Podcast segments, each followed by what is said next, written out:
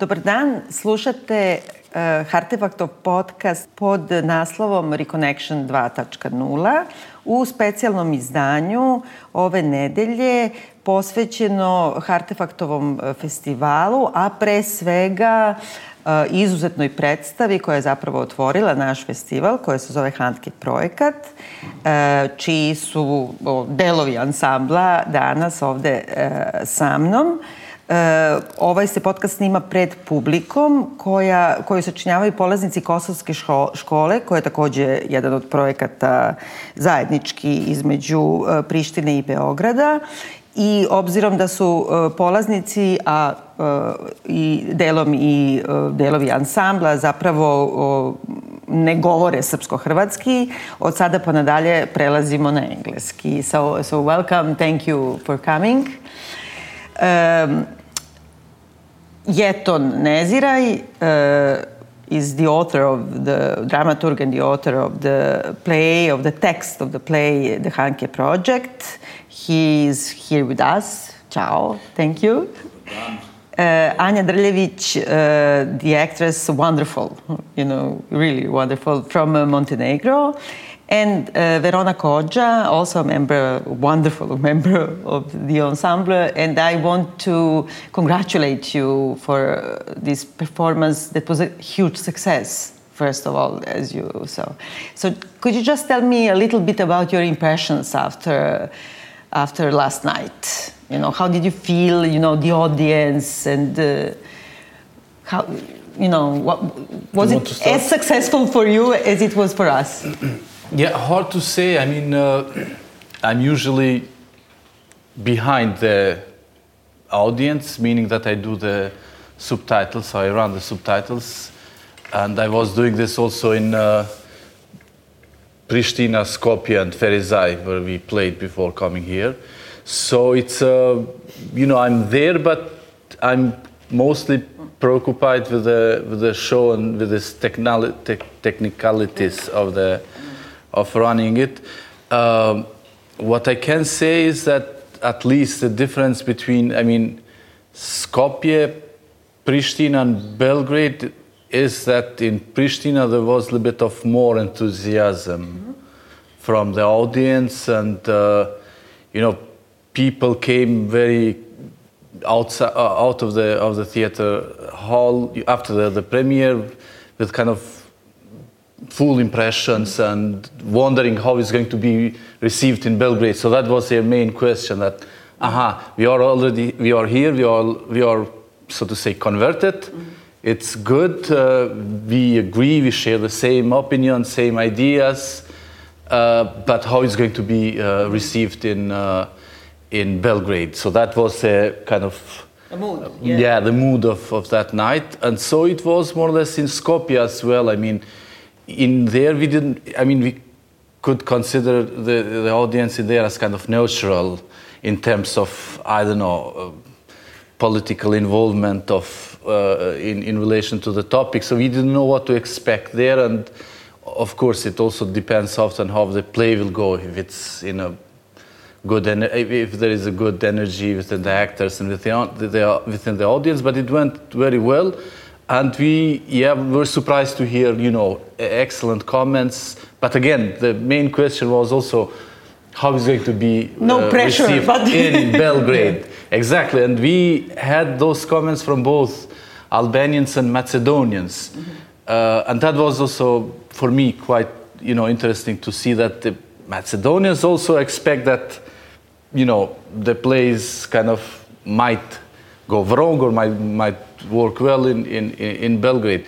So uh, last night in here, uh, I felt a bit of, you know, a silence that uh, in Pristina was not there in several scenes. So people were much free to uh, react, to uh, laugh in some scenes, to interact, and uh, also they came a little bit more emotionally more more broken, so to say, mm. after the mm. the last. More than here, really. I would say yes, in in in Pristina at least, uh, for the premiere. And in here, we yeah, there was some kind of silence somehow that we didn't know how to take it. At least Yeah. myself. But it was a it was a huge applause, uh, applause uh, at the end. I mean, it was really not only in terms of uh, this kind of like radically different uh, theatrical moment, you know, than the usual, you know, bourgeois theater, but also, you know, the, the theme and the you know content. Uh, I, believe it was really, you know, enthusiastic uh, ending. I don't know. What, what was your feeling uh, on the stage during the Uh, performance? during the performance for me the beginning was a bit weird because i was seeing people they were like just saying like this and uh, i would say i was afraid maybe someone would, would react or something. But then then it went very very well. In the end i think it was this it was cold a bit. Like people we have some funny moments in uh, in our show. People always laughed and but not not last night. I couldn't see any. Actually. There were some like, Like three me. people that we know that Yeah, we know Yes. that we used to work before Yeah. but uh, those th- they were they were smiling sometimes I think for me, it's, it's, this is quite normal because they came with some expectations. Handke project, you know, heavy topic, and you know, prepared not to laugh, but they came, I guess, to be confronted with a serious matter. So to say so, I guess they were they didn't know if they should, you know, free themselves. I think it's, and- it's difficult because s- somehow it's about our guilt. So it's really difficult to laugh, you know, to allow yourself to be, you know, immersed in the thea- theatrical moment. So it's not only the moment of, you know, facing the truth or the political moment, it's or historical moment, but it's also theatrical language. So I think that people felt uh, a little bit, uh, you know, may I laugh because it's it's on me, you know. It's it's not funny actually, even though you know the moments were funny. And and how did you feel? Uh, actually, I was I, I, I felt very nice. Uh, during the, our process, I was thinking sometimes uh, how it will be received in Belgrade and Serbia and everything, but in some uh, moment I cut that. That's my thought. What will be, how it will be, and uh, I strongly, I strongly believe that everything will be very good. And uh, last night uh, I saw a lot of people actually in the first rows. Old actor, famous one with his wife and everything. They uh, were crying. they were uh, smiling all the time. Yeah, but and in the end, really, they were crying. I mean, I was sitting. I, I, yeah, I yeah. saw that. And Yeah. my mother was in first row, and he said to me, uh, I don't know if you are aware of this, but this is very, very serious topic. Hard, Sensitive. sensitive topic. Sensitive topic, yes, yes, Hard yes, yes. topic. And uh, I think that uh, audience received uh, pretty well, actually, Mm. because it's topic in. You, I mean, you know what we are talking about Mm. and everything. And it's for me, it's normal that people that have that kind of wall, Mm-hmm. like, oof, oof. Because I I, I, talk uh, with one uh, girl in Pristina who, who is uh, from Belgrade. It's, uh, she's a Serb, and she uh, t- t- told me that she felt embarrassment during whole our play, and she told me that um, uh, something like this. Uh, we are not like Germans that we said, yeah, the Holocaust was made, we are guilty, let's make everything fine. But uh, he, uh, she said that in her place, where is she from, and her parents and the grandparents, and they, all, all the members of uh, her family, that uh, when she said that uh, we did, we did genocide, they're angry on her and they don't talk on her. And uh, they are angry on her because the uh, perspective of those people are that uh, uh, they are heroes. And it's very hard for young generation to know real truth, but uh, we, we, we know what truth is. Absolutely. And it's very hard to accept that you are, you, your family, I don't know, members, people, uh, that uh, Serbs, I don't know, that they made something like that. Yeah, absolutely. But I uh, must be. I said. Um, I must say that uh, I hate that kind of generalization. Of course, you know, and the play is clear about it, you know. the- It's it's very clear, and uh, we have a very um, a, a very strong uh, opinion on that. We don't leave question marks. yeah, absolutely. Yeah. yeah. Uh, if I might comment, because I think this is a good, uh, good moment to, uh, to tell that the story of this, this is sensitive topic. so actually, uh, while we were in the process, uh, we had produced some materials, um, and we started to lose uh, yeah, actors from, from here who were joining and then leaving the project. And then I was, yeah, alarmed at once and writing. And Biljana is or was dramaturg in the in the production, so I was writing a kind of alarming email, "Help, please! You know what to do, how to be." And then uh, she she was writing to me, "Hey, but this is something you could use. I mean, a Serbian." actor that is leaving the production for reasons this and that and then i thought hmm okay that's nice uh, idea and this is how we came to this uh, no no no it, is sensitive actor. It's sensitive and then we have to be moderate because you know for me i felt that the actors leaving the project was honest uh, either fear or embarrassment or really, you know, ignorance. So I couldn't even blame them, you know. So it was really, I felt, you know, this kind of, uh, you know, not wanting to to be brave of not not being you know able. You, you cannot force someone to be brave or to be in love with you. That's two things that you could never force someone but, to do. But it was important for me yeah. and it it it gave yeah last night it gave like the dimension that was not only lighter and you know funny but also very poetic and very gentle to us as the audience. You know, it was like someone was caressing us, you know, in this way. But I wanted to, you know, I, I will not take uh, much of a time because I want you to ask questions.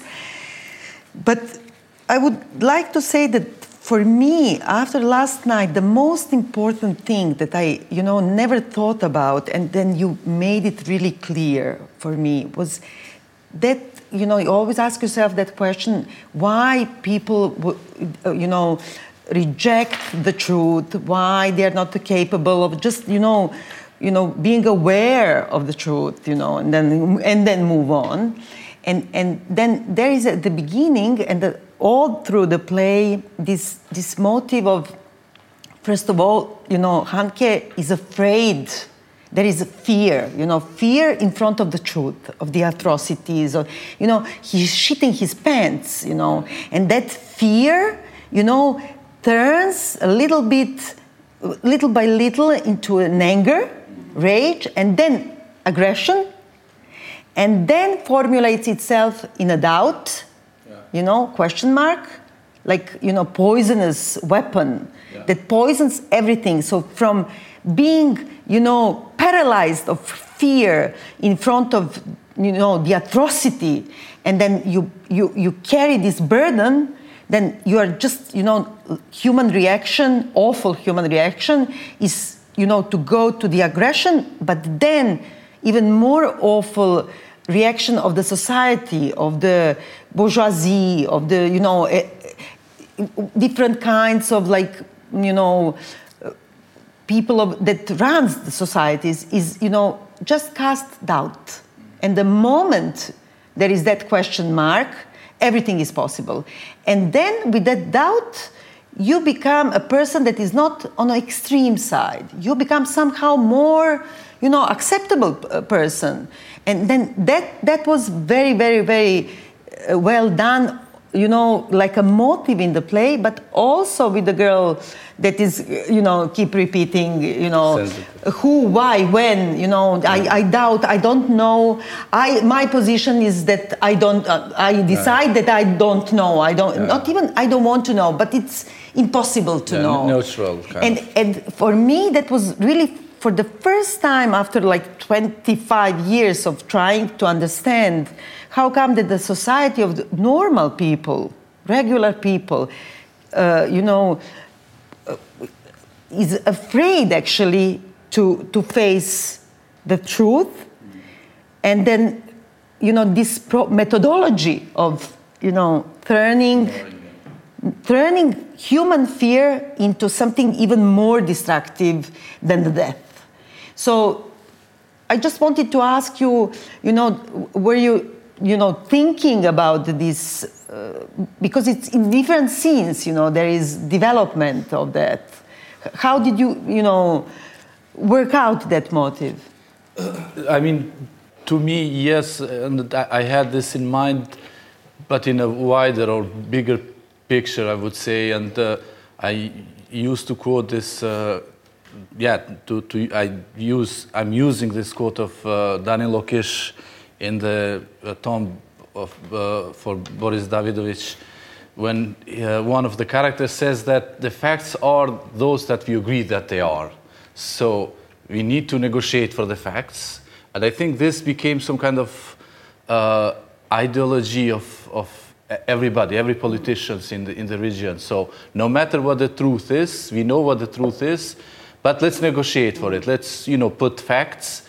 And uh, part of that negotiating process, it is also the denial. Mm-hmm. So first you say Srebrenica did not occur, didn't happen. At some point you might say maybe, eventually, you know, still doubting. And then maybe you come to a compromise because if you push the, the truth uh, for a longer period, maybe you come to a kind of position where you agree, yes, but you know we don't know who did or who. So you basically keep uh, keep using this uh, this strategy, and then uh, it, it is kind of political strategy. I believe that everybody was was using. Uh, but it was also used by, by, by writers. I mean, literature, theater became some kind of agent in, in ne negotiating this, this truth. I mean, a, a, good agent, I would say, and this is where Hanke, Handke is uh, in, this, in this game. So when he asks or puts his question mark on if genocide in Srebrenica happened, he's not interested to know the truth, basically. He's not interested to investigate because it's clear. No, he wants to deny. By asking questions, he wants to deny and to produce so to say, smoke around this, this mm. truth. And that's why, I mean, the, the word you were using, uh, poisoning mm-hmm. questions. Mm-hmm. Yes, literature is there, uh, art is there to ask questions, uh, to raise dilemmas, but, you know, the, when they are used by normal, so to say, normal uh, artists who have clear and who kind of they are not wanting to really produce more confusion, but to, to get to understand the, the, the other side of the truth, so to say. Uh, they are legitimate tools, but when they are used in, by you know, people who are uh, uh, kind of uh, using those stylistical, stylistical tools uh, to serve this ideology of denial, they, they become you know, weapons, basically, mm. that do poison us. You know, the poison like ocean, and, uh, you know, poison for, for, exactly, for years. Exactly. So the questions asked by a devil become, mm. you know, questions asked by the devil. Yeah, so they cannot exactly. produce. Uh, but I'm sorry to interrupt you. What I loved in, in, the, in the play is basically that he he's facing the truth. He's there. You know, several months after Srebrenica genocide, he was there. He was, you know, he was not forced to go there. You know, he decided to go there. It's impossible in his, you know, slim swimming suit in front of the river where, you know, in, in my mind it was still red of blood, you know, not only metaphorically speaking. So he's there, and that's very good in the play. He knows the truth, he's afraid of the truth. And then, you know, this fear becomes hate, becomes poison, becomes doubt. And that's excellent in the play. I don't know. Am I too. no, no, no, no, no. Uh, I, I just can't discover mm. one thing. And for me, it's. Um, why he at all did have any kind of urge to be around all of that things. I, I, I, can't answer on that question. Yeah, I have a theory, you know, but it's really. I think I'm sorry for interrupt, but I think that I read something about his uh, history, past, uh, family issues, everything. I think that he has some kind of psychological problem. Mm. I, I, I really think of that. And when I saw interviews with him and everything, he to me is looking like not completely normal person. I must say that. Yeah, I think this is very interesting. But as we also try to, to, to say this in the in the play, he's product of this time we are living in. I mean, if if he would be alone, he could be considered as an idiot. I mean, he is considered as an idiot by by, by many, as a fool. But then the fact that he, you know, the, the, the discussion around his position became, you know, visible, people were commenting pro et contra, then he also received the Nobel Prize. So it, it shows that he's not alone. I mean, he's not just mm, an accident, some, some good writer that, you know, said some stupid It's things. It's very but- strange, yeah. yeah, I mean, Very you had Elfriede. Jelinek mm. who was supporting him, and many know, other mm. uh, other authors who I think they just stick to the idea of the artistic freedom, and they don't really know the reality in here. That they always pretend it is very complex, and this complex. I mean, it is not complex. It was quite clear but they still, when, when it, it is uh, the question of wars in Yugoslavia, they always, you know, have this kind of reaction German to woman. war. I don't, I don't, I'm Yeah, not interested. yeah. You know, this is But not only that, we, so- we had, you know, like everyone I, now you have in Ukraine, it's, you know, you have this intellectual safari, you know. And then they come and they went, you know, Bernard Henri Levy uh, went to Sarajevo. He didn't help Sarajevo a, a thing, you know, like, like uh, you know, nothing. But, you know, he became a star, you know, and now he's always going wherever is the problem, he's there. And then in Serbia, we had Handke, we had uh, Patrick Besson, uh, Limonov, who is, you know, this third person. But all three of them, Harold Pinter as Harold well. Pinter, but he never, you know, it's Yeah. after, Yeah. you know.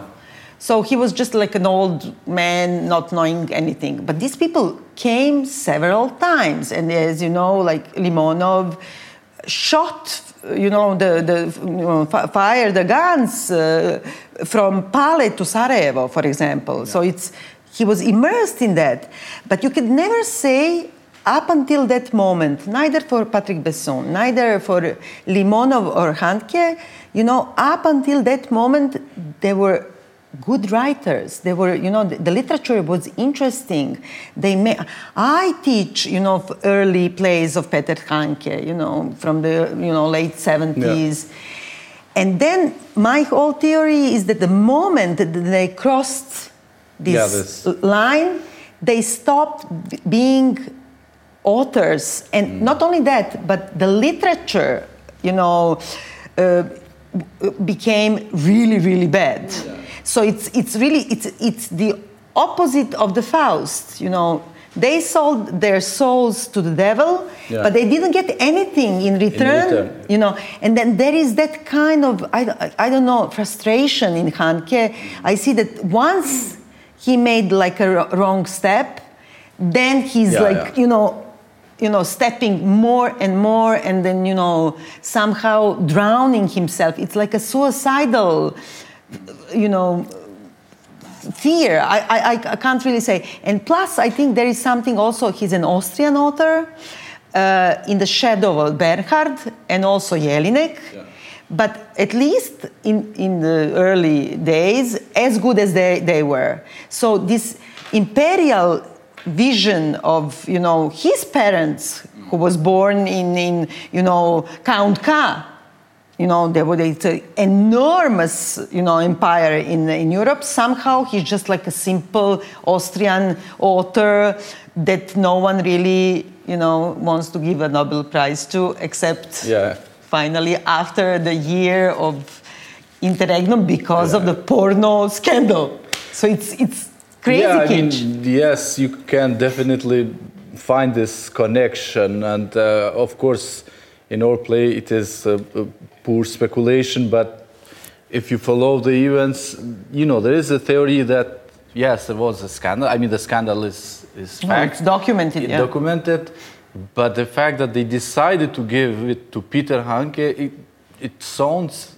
Uh, that they really wanted to cover the other scandal, and Yeah. it, it helped because Scandal then people with were scandal, yeah. exactly where uh, but i'm also i mean i was as you as you say this when you when you speak of peter handke and his early work up to i guess 90s that you Yeah, know, he was writing good not all of it but some are really good good books and then what is this limit this border that a writer can can pass it. I mean what is this ethical border so to say in literature? For me of course there, is, there, there, there are no limits. You can do whatever you want in the name of literature but yeah, then you just get the label of of being a, a, a fascist so to say. I mean mm-hmm. and what is this border?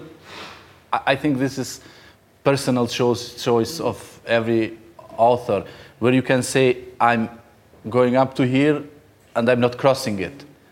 This is, to me, personal. It's part of the evaluation of literature and, and theater. In my opinion, this limit is when you start, you, you cross that border when you start to mock victims. Yes, when and you to start lie. to, yeah, exactly to lie to mm, well to fabricate things in order to produce harm to people i mean to people to victims to those that are not in power that have no voice and i think that's the, the border because when we look at the theater i mean theater was not created to serve those in, in power it became kind of third voice in, in, in, in society that was giving uh, you know, voice to those that had no, no, no, no power. And that's for me that, that border that you cross it, yeah, you still can use the literature as a shelter to say, I'm still writing literature. But then you, you know, we just can say you are, you know, bullshitting. This is not a question of literature. This is not a, you know, you cross those ethical lines. And that's what we try to do with this uh, show. I mean, to be direct without, uh, you know, trying to, to kind of To produce moderate, yeah, exactly. yeah. No, no, it was not complicated, no, actually, yeah, Exactly. yeah, yeah. We really wanted to go directly to the to the heart of the of the topic as much as we had capacity, because of course it's not that we have the answers to e- e- e- every question, but uh, our focus was not, you know, Serbia. We really wanted to discuss the topic in a broader context, but then using the example of Peter Handke. And when you speak of Peter Handke, then of course it's his connection to, uh, to Bosnia and Herzegovina, Serbia, and the, the, the Kosovo, I mean the scene of, of Velika Hoća, which is based on reality. I, I went to, to visit the swimming pool You because have to tell me. You have to tell me about the swimming. First of all, I'm I'm totally, you know, I'm trying to understand. It's like a, a psychosis that he had, you know, but very rational because he got three hundred thousand euros. So Hmm. he didn't give three hundred thousand euros. 50. He gave fifty, which is a lot, but still, it's not all, you know. So- Yeah. and then why a swimming pool? Uh, it's not clear. So I went there with a, German journalist friend to uh, investigate because to him uh, and to, to the audience in Germany, it was not clear if the swimming, swimming pool exists. I mean, he promoted the idea. He was writing and telling to the media that he's investing 50,000 euro of the price in, in uh, Velika Hoća slash Hoća Mall in Kosovo. And so we went there to see if the swimming pool exists. And uh, they said no. Uh, the villagers there that we met, they said no because you know we couldn't agree actually in which land to, to build it because it meant that they would get some money. I mean, if, if it's my land, then I get some money for, for it. And then he was nervous and he left and he invested. But did he this. give the money to no, someone? not to them. Not at, the, not Okay. at least to them. Not in Velika Hoća. He said that he's going to invest somewhere else.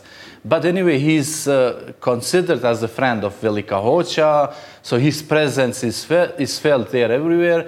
We even went to a, that was a funny story, we went to a local uh, Iraqian wine producer there, a young boy that of course could hardly speak any word in Albanian, but he was showing us proudly the types of wines that Peter Handke was drinking, rose wine, he liked this one, he bought this one, so he, he kind of touristic... Uh, Yeah, yeah, safari, uh, safari, exactly, attraction. And then he, we wanted to buy some and he was proudly uh, asking us to buy that rose one. He, he even said, we even have a paper permission from the Republika Kosovo, so with the logo and he was showing to us and then we got the paper it was all in albanian because our, our stupid uh, institutions they are you know, giving this paper to local Serbs that cannot actually read So any why Albanian. don't, don't they learn the like official But language of the of the country? I But mean, Serbian is official too there, Yeah, anyways. So in the paper, it was written that this wine does not qualify with the Oh, standards. so of- it's completely opposite. Exactly,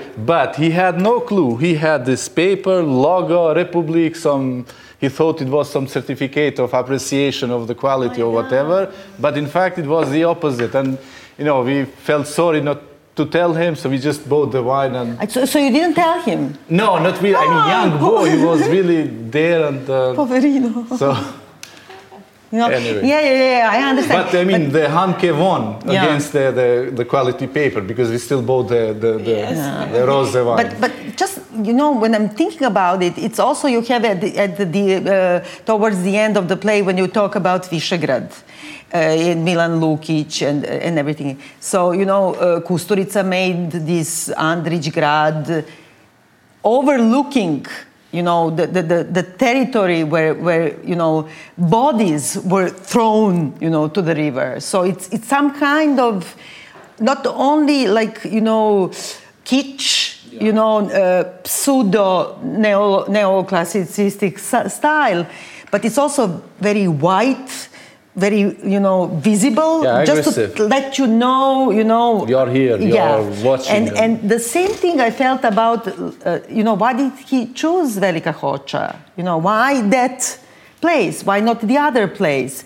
And then, especially because very near, as you said in the in the play, yes, yes. So, you know, how do people in in in surrounding Velika Hoća feel about this, uh, you know, patronage of? of It's bizarre, but I mean, uh, I don't think people, ordinary people, are very aware of those facts. I mean, Handke was going there often, uh, followed by Serbian medias and televisions uh, who would do reportage, and local Albanians, they don't really watch or have information about that. So it's, you know, part of this bizarrity that was going on for many years now in this uh, or interethnic uh, relations there. I mean, I just don't think that people of Krusha Mod are, are aware that Handke was was uh, going there. But I'm curious. But I mean- Handke is aware that people, you know, Khrushchev uh, uh, suffered, He- lost I think lives. he is aware. I mean, I even watched this uh, documentary film, Waiting for Mm-hmm. Handke, of uh, Mm. I forgot the, the name of the. It doesn't really matter. Exactly. okay, and i- it is really bizarre observation of the way how they present Handke, the way how they refer to the reality. Yes, they live in miserable conditions there after the war, but the way the I mean, how he was filming this atmosphere, this is it's, it's bizarre. It's like, you know, he wants to.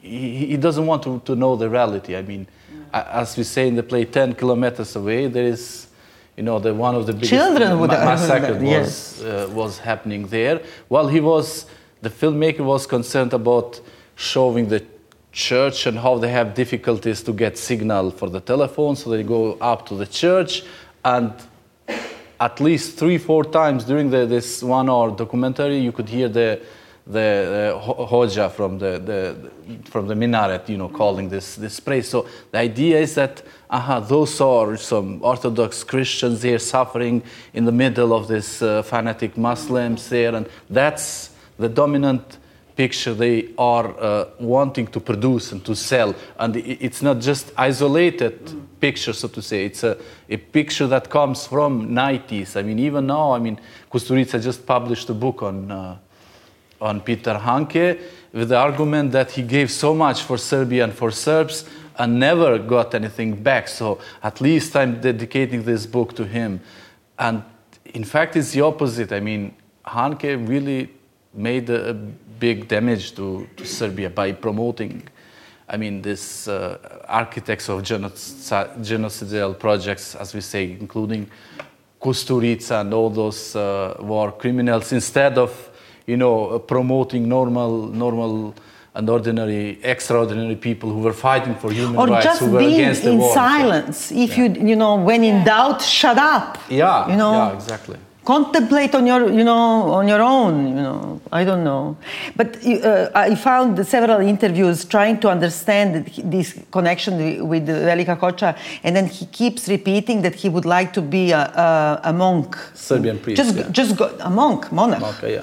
not even a priest. Priest could, Yeah. could, could marry and have sex. Yeah. he wants to be a monk. That means go and be. I mean you know just maybe he will be useful then yeah. like a monk And so, just last question, and then I give you know the microphone to you. Uh, what was the most difficult thing for you during the process of the you know some scene or some of the characters, or what was the, for you, you the moment that you you know had to struggle maybe to because it's it's so beautiful and you did it so well. So you know I I don't want to you know analyze wonderful things because there are too many.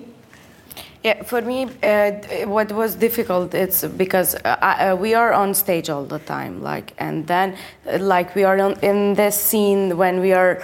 Uh, doing some yodeling and uh, some uh, orgy scene and all and everything, and after that you have to turn in one minute to something else.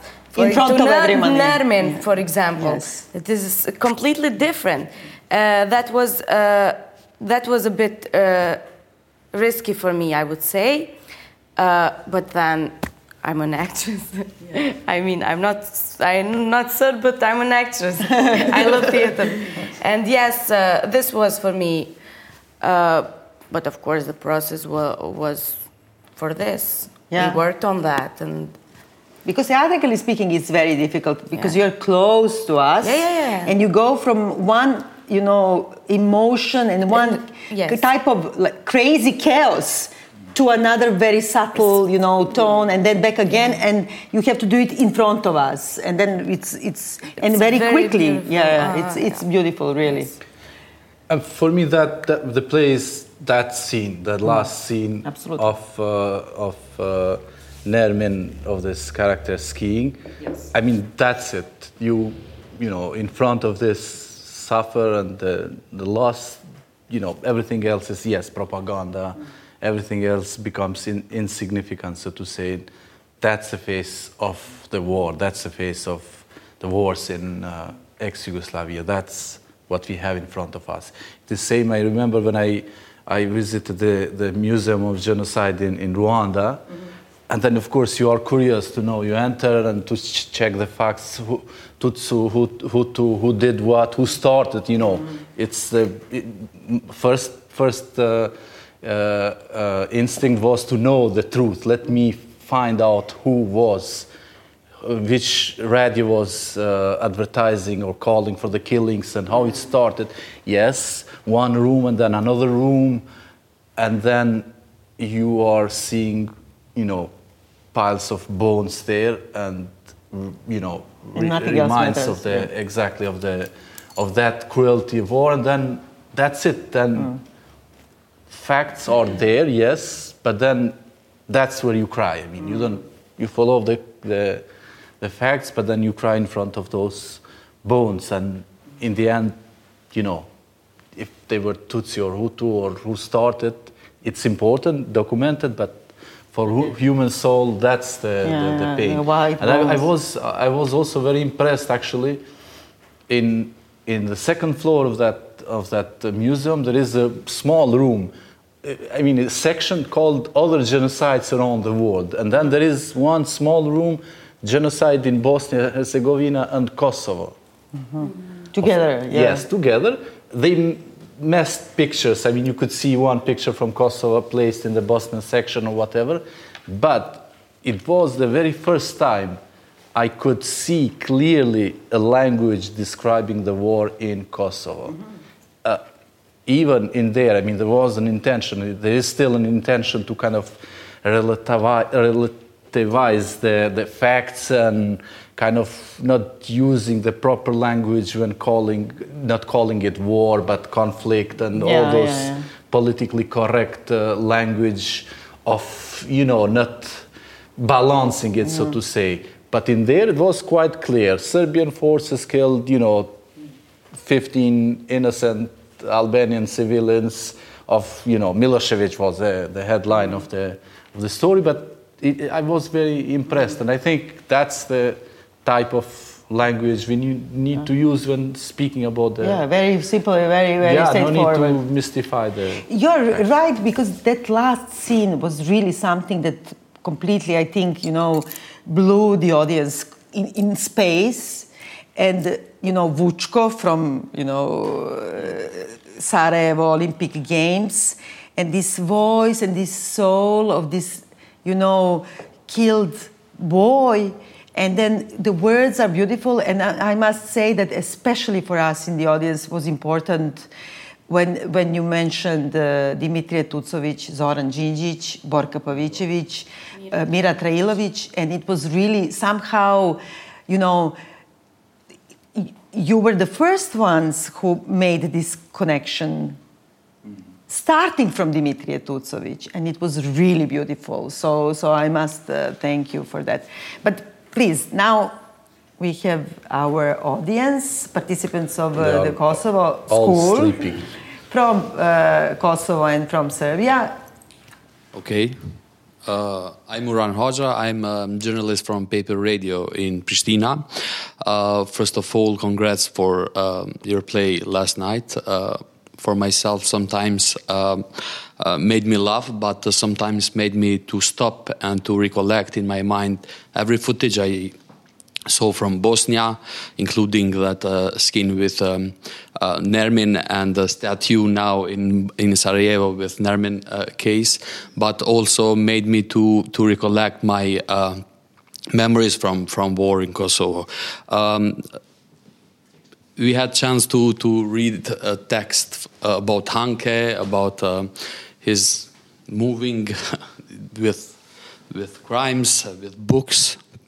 Okay, and but uh, I think this project uh, this project is the the best way to describe uh, Handke. Congrats for that. Uh, I want to to know from Jeton uh, what was the the biggest fear in this project. I know you were also with other projects in come fly uh, uh, positions also in Kosovo. Your projects always made a difference. But what was the biggest fear in this project? And uh, from actress, I want to know what was the difference to play in Pristina and uh, in Belgrade from your side. Thank you. Oh, no specific fear, but uh, it's yeah responsibility that I always have in writing something. Responsibility for the audience uh, and especially in this case, uh, yes, it is a sensitive topic, so to say. But I was sharing the script with people. I mean, Biljana was there, and I had some security that I'm not going to do any big. Uh, political mistakes, so to say, and my fear would have been like. If you relied on me not I to know, make a big political mistakes. But then there was. Uh, Brother, also, you're so wrong. there was Alida Bremer, who is also kind of yes expert in. She she was writing uh, a lot uh, when Handke received the Nobel Prize. So I relied on on people because, you know, we, we are, I'm not a, an expert of this topic, so our position, our approach is artistic approach. So you start to research, you start to understand the reality, and then you just use your artistic skills to, to this, and then you you know, you can fail. It can be a good or bad play. But then what I fear, and I, what I was fearing most in this case was not to hurt people. I mean, not to hurt, because it's not the intention to hurt the religion itself. It's the intention to, to kind of attack people that are using the religion. I mean, Handke was basically using the uh, uh, religion as well. And then I was afraid that people would see that this as some kind of uh, Kosovo, Bosnian, Western alliance against Serbia or Serbs or whatever. So I just wanted to really have this pro project as a statement of a group of people who reflect on this on this topic. I mean, we even were planning, but then it was a very short time to go into the process and have people commenting on on events, but you know, short period of time in English. Remember, actors had to learn everything in English, and then there was not much room to negotiate things eh, on stage, and we just choose to go directly to to stick to the script that was open, was being fused fused with the text and comments and adding.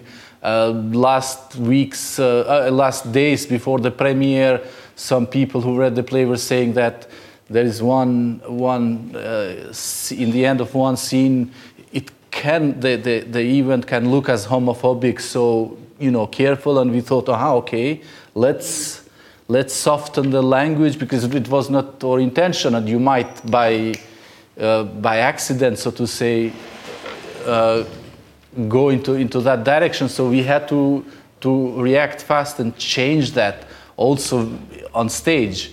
And then uh, people from Germany were warning us that there is one scene that might be, you know, uh, legally complicated in, in Germany, and you know, the Suhrkamp can sue us, and Handke might sue us. So let's try to to reflect on that, and we did reflect on things like this. So it's not uh, one man show, so to say, but a, at least in this case, a product of many people who were contributing in one or in another way to have this as it is. So that would be the short answer. Uh, be- be- before you answer, I just want to, to mention that uh, I didn't say Blerta Neziraj, of course, the director of the, of the performance. Set design was by Maria Kalabic, composer Gabriele Maragnoni, choreographer Gjergj, Gjergj. Prevazi, uh, costumes by Blagoj Mičevski and Aure- Aurela Kadriu pro, pro, production, of course. Maria many- Kalabic? Maria Kalabic, I said. Okay. Yeah, I said at the beginning. So, so it's it's really you know group of people you know doing an artistic work together, not political work, but artistic work together, which is brilliant. So, just wanted to mention that. But the question was uh, for you. was- to- difference between uh, Yeah. Belgrade and Pristina. Uh, so for me, it was first time that I uh, visit Pristina and Kosovo, uh, and uh, it was great. I, I love being everywhere. I lived in Sarajevo for seven years, and then uh, in a little bit in Belgrade. I'm now in Belgrade, and then I went to Pristina, and um, I must said something. I visited 14 countries. When I go to Germany, it will be my 15 countries, which is not so much, but uh, it's enough to have some. um uh, some kind of uh, Impressions? uh, impressions and uh, you know connecting with people from different countries and everything. And i never in one place have any kind of problems or uh, uh, argue with something about some about those sensitive issues. So when i came to pristina and i must say that i bring my boy who is five months with me in pristina yeah because uh, i gave birth five months ago and it didn't work for one month for one year during the pregnancy Yeah. thing and everything. And uh, I said to myself, okay, I will go to Pristina with my baby and with my mother, and uh, I will manage to do it. And uh, I asked how it's in Pristina. I don't know for doctors, blah blah blah. If something happened, and they said to me, uh, it's beautiful. Go to Pristina. And then I went, and it was um, like home, everywhere very nice people, very gentle audience, beautiful. The place uh, when we play, where we play our show, it's uh, very similar to the, my academy in Sarajevo where I studied.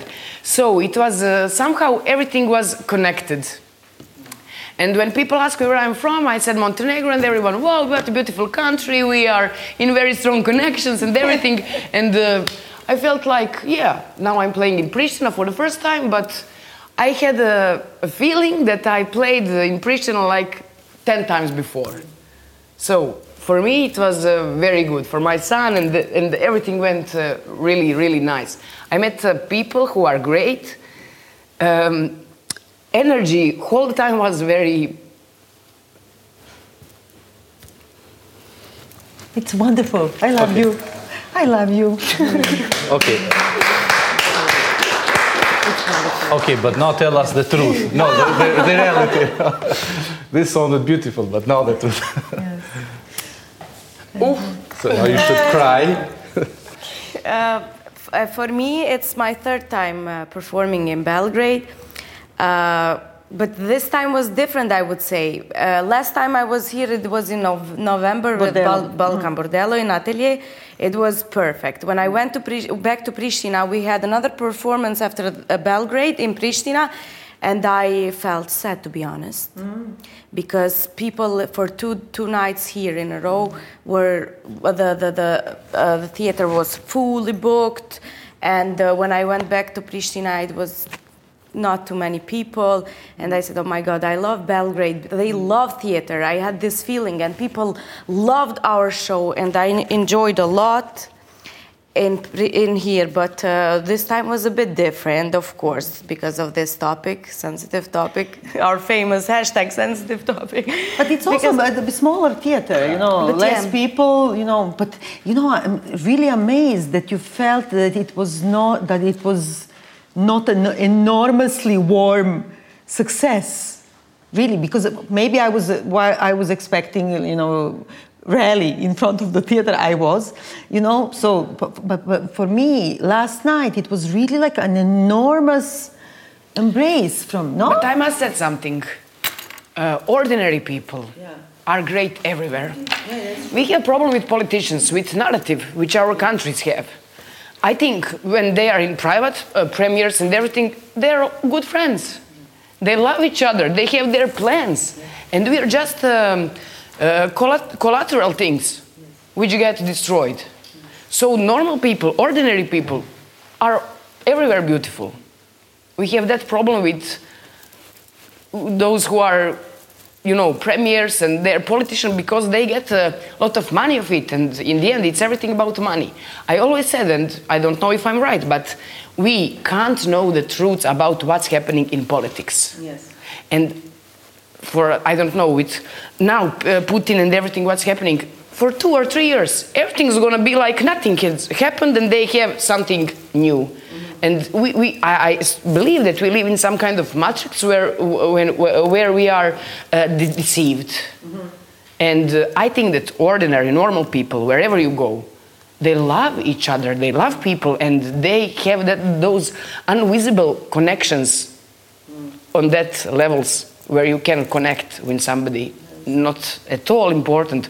Name surname uh, religion and those kind of things. Because it's not important at all and uh, yesterday we was uh, me and Arben we were in an interview and the uh, journalist asked me with much fear in his in her eye. I, I saw that fear in her eyes like what do you believe the audience? I mean Peter Handke I mean and what? I, I, I said that I strongly believe in Belgrade audience because we are in Belgrade and Belgrade is a great city. It's not about ordinary people who love theater and who came to see it we just have a problem with those who take, took interests, money, everything. One time when I was in Sarajevo, I was driving a taxi, a ta- a taxi drives me, and we start some small talk about war. And then it, it was old man, and he said to me that uh, war in Sarajevo uh, uh, um, w- were until they took all the money from Sarajevo. And then and then the war stops. And I think that everything begins and ends there. Out money, power, and pff, mm. and that's it. Thank you. Some other question. Um, Uh, hi, I'm Nikola Kristic and I'm a journalist from Belgrade. I've been a journalist for seven years, and these topics I write about these topics about war crimes, about genocide in Bosnia and in Kosovo, and about their influence on uh, young people today, and about, of course, right-wing extremists.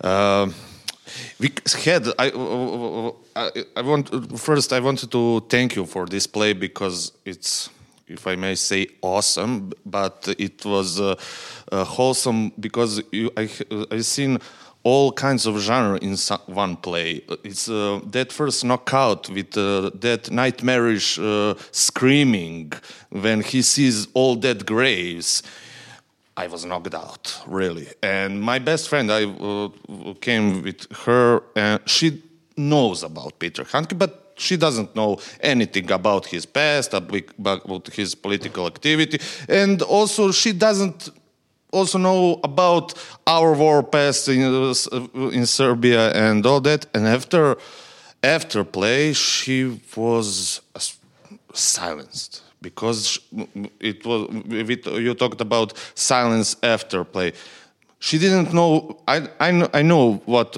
i'm going to see not in the, all that dimensions but she didn't know maybe it's going to be a political play but not in that kind of uh, not that kind of play. And she was really wow. I didn't know.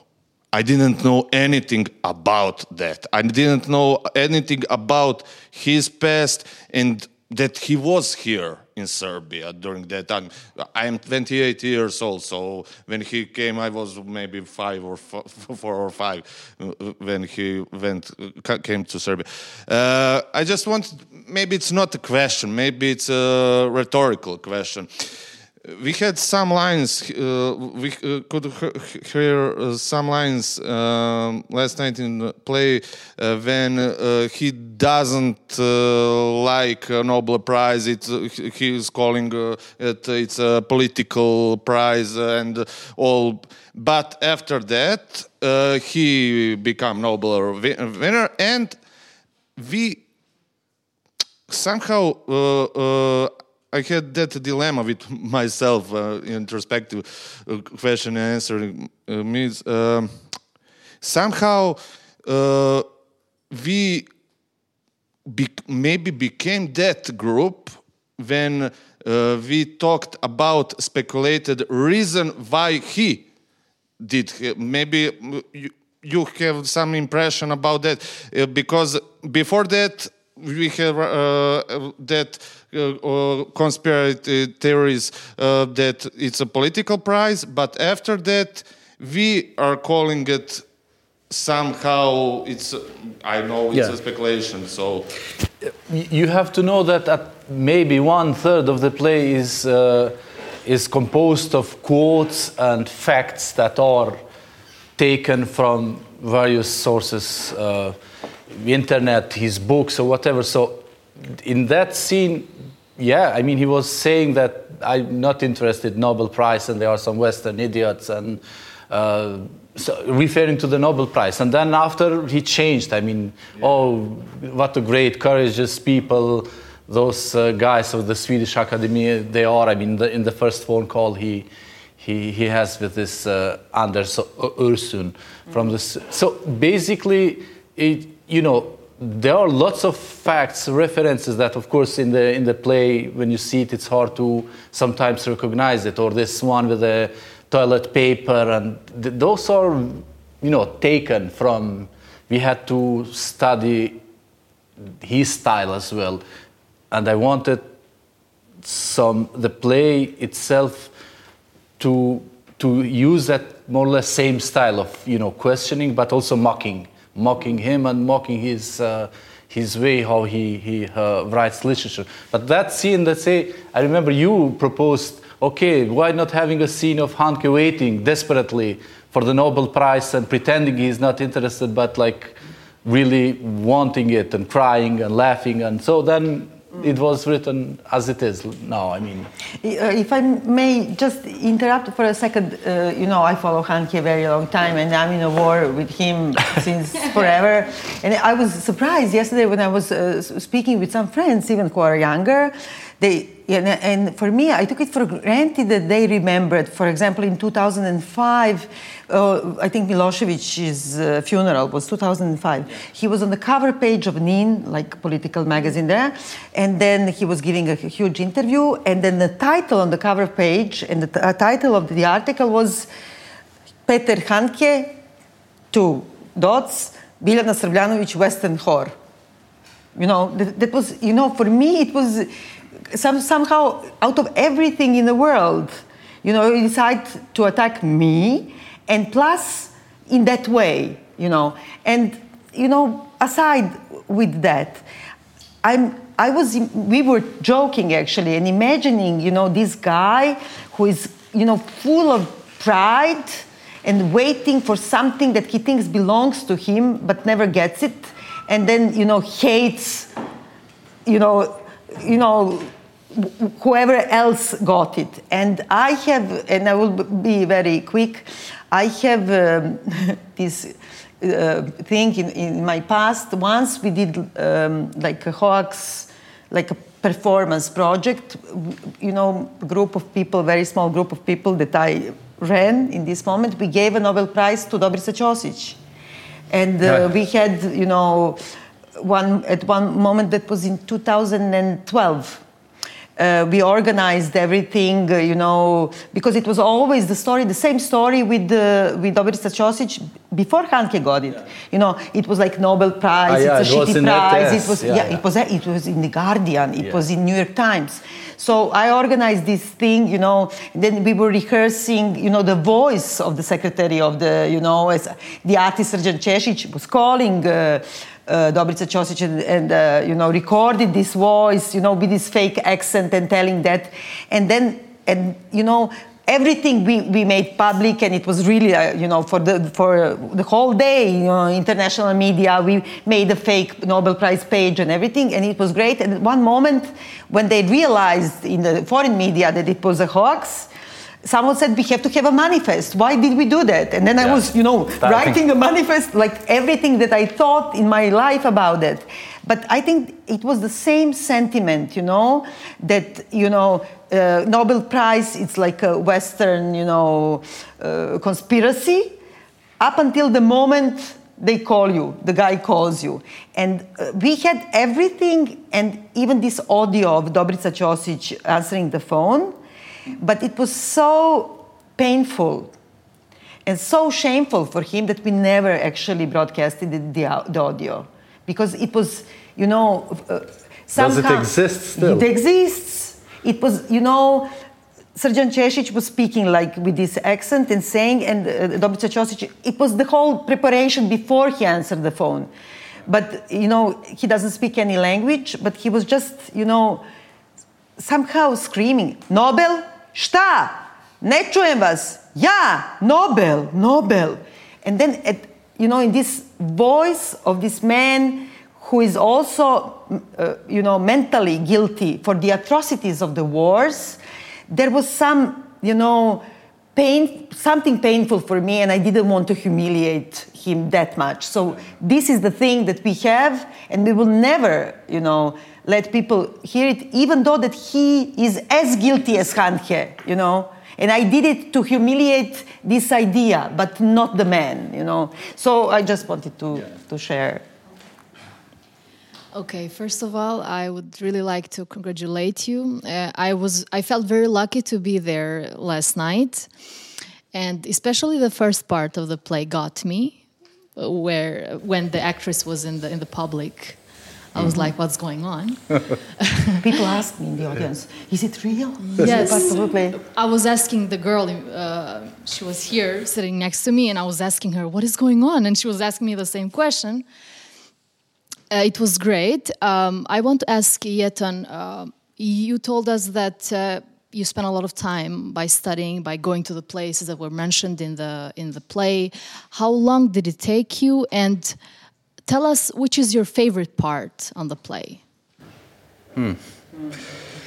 Uh, well, research took, I mean, the initial idea started, yeah, maybe two years ago.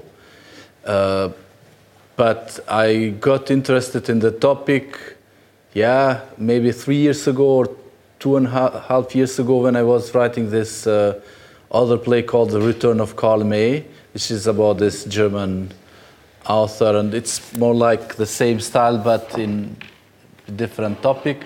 So in that play, I was writing a little scene on Handke receiving the Nobel Prize as part of this journey of the characters.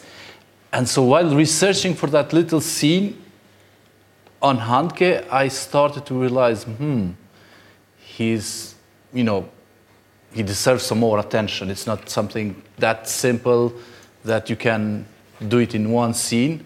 So I think he deserves, I mean, the topic itself, the Handke itself deserves some more attention. So I started to collect materials and reading and I don't know everything. Not much of his books.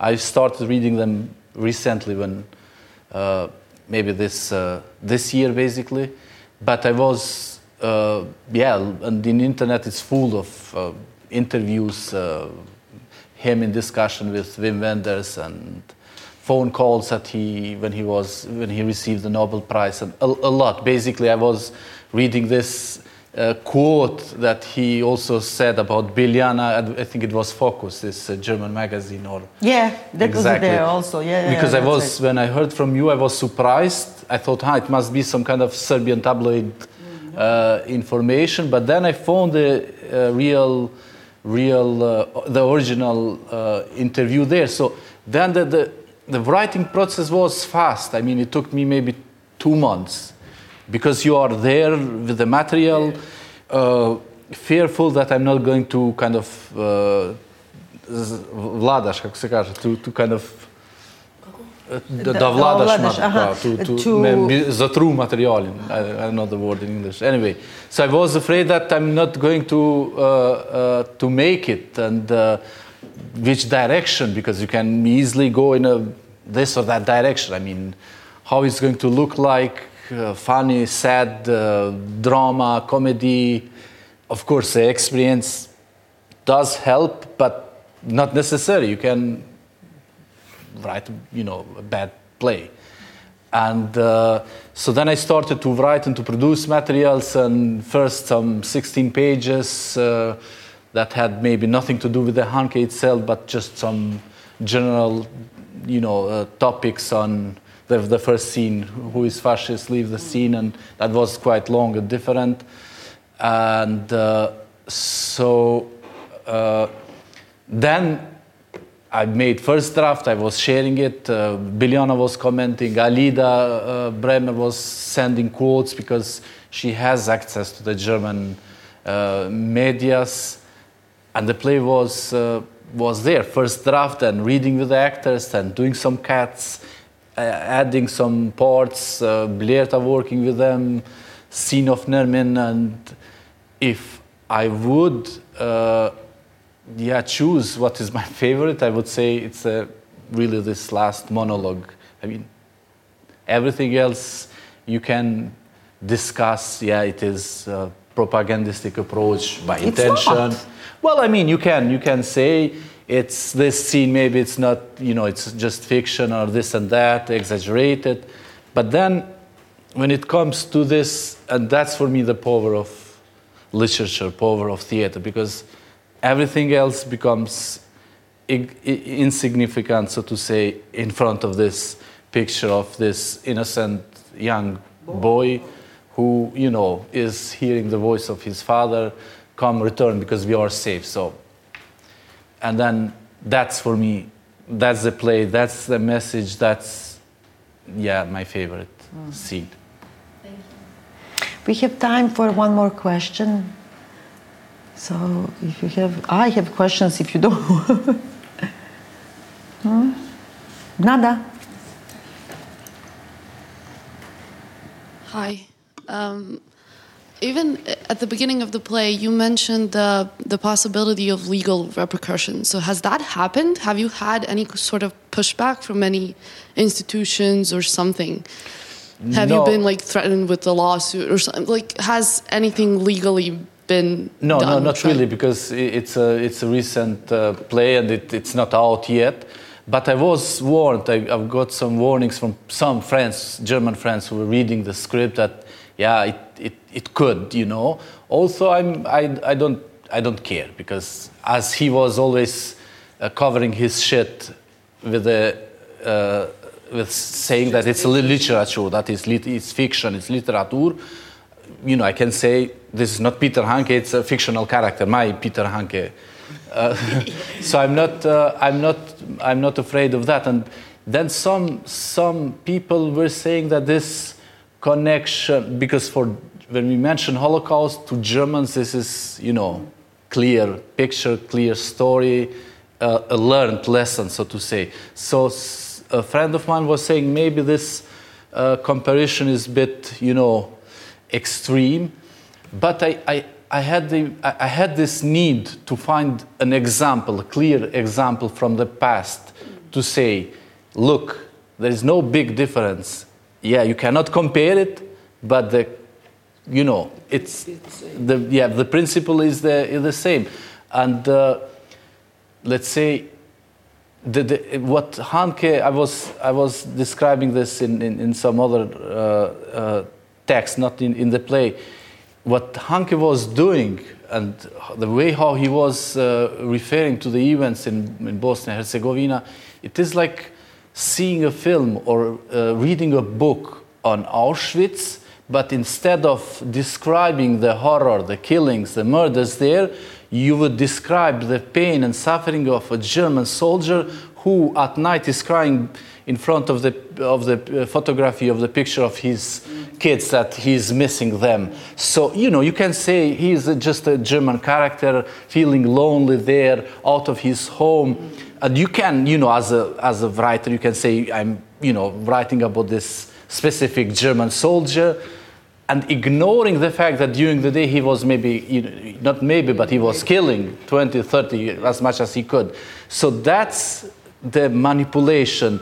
It's, you can do it, but then you are an asshole. You are just you know, manipulating. And Handke was selective in, in uh, writing about this and basically uh, manipulating. So, because the play is kind of co-production with several other partners, and because we are aware that the play is not going to be shown only in Pristina, Belgrade, I have to have in mind this, those references and to make sure that they can be understood also by not very well informed uh, European audience. In the other hand, you, you, you've seen last night that there are clear references and names, Milan Lukic and this and that. I thought, well, if Handke is producing all this uh, uh, propaganda, in, especially in those uh, two books, the one is Justice for Serbia, I mean, the uh, Journey to the Rivers, Justice for Serbia, and if people are reading that as literature, and if you know there are clear references and they still read it as literature, I said, okay, let me also have clear references and names, and if if the audience is willing to understand more, they still can, you know, Google and get informed. They have many many ways to to get uh, to get informed, and I think that is the, the approach of not really trying to select and to pack this play only for the Western audience, so to say, to simplify things it was both simplifying but also clearly uh, describing names, uh, events, and people. And, and the end, just you know, because I'm always turning back to the literature and then the, the destruction of the, the, the artist from he, it's uh, from the inside. Uh, exactly what you said about his descriptions of uh, Serbia or Bosnia at the time. Exactly as you said there is a novel, a White Hotel, probably you know, D.M. Thomas. And then, you know, it, it reminds me always on Handke's late work because, but, but with a different, you know, pretext.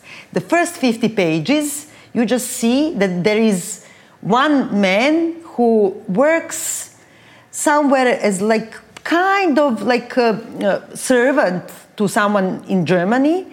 And then he serves a guy who is a, a military high, you know, officer who has terrible headaches, migraines and nightmares, and he cannot, you know, he cannot solve the problem of these nightmares. And the, the guy who serves somehow you understand that he was one of the first psychoanalysts, uh, you know, uh, uh student of Freud. So you understand where, when does it happen. And he starts doing like a first psychotherapy, like, like a pioneer work. And then, little by little, on the page 50, you understand that they are in Auschwitz. And then the officer with headaches actually is de- destroying million of people.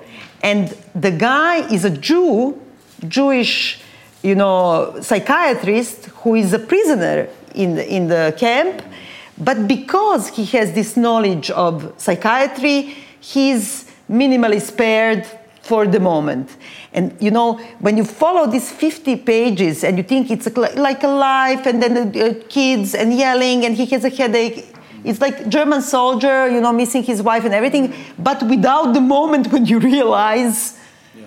my God, you know, I'm, I'm a soldier who killed thousands of boys in Srebrenica. That, that is what is missing there. Yeah, exactly. So even, even that kind of like stylistic literature was done much better much before him. Yeah, for know. sure, for sure.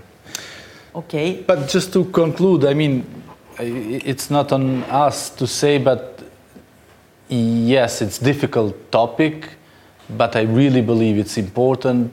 I know that young people have the intention, I mean, to avoid topics like this, a hunk Yugoslavia war, but I think it's important that we dedicate some time and we watch and we read books like this and plays that like this that do confront this uh, type of fascism, so to say. So, yeah, it demands you to be there. It demands you to uh, uh, watch it, and it demands from you to Google it a bit to, to learn the truth. I mean, the way you were saying that you didn't have enough information and you started to research different quotes, different names to kind of be informed because it, it is important. Important, so it's not, it is important because it might be repeated and the warning is always there. We cannot pretend that.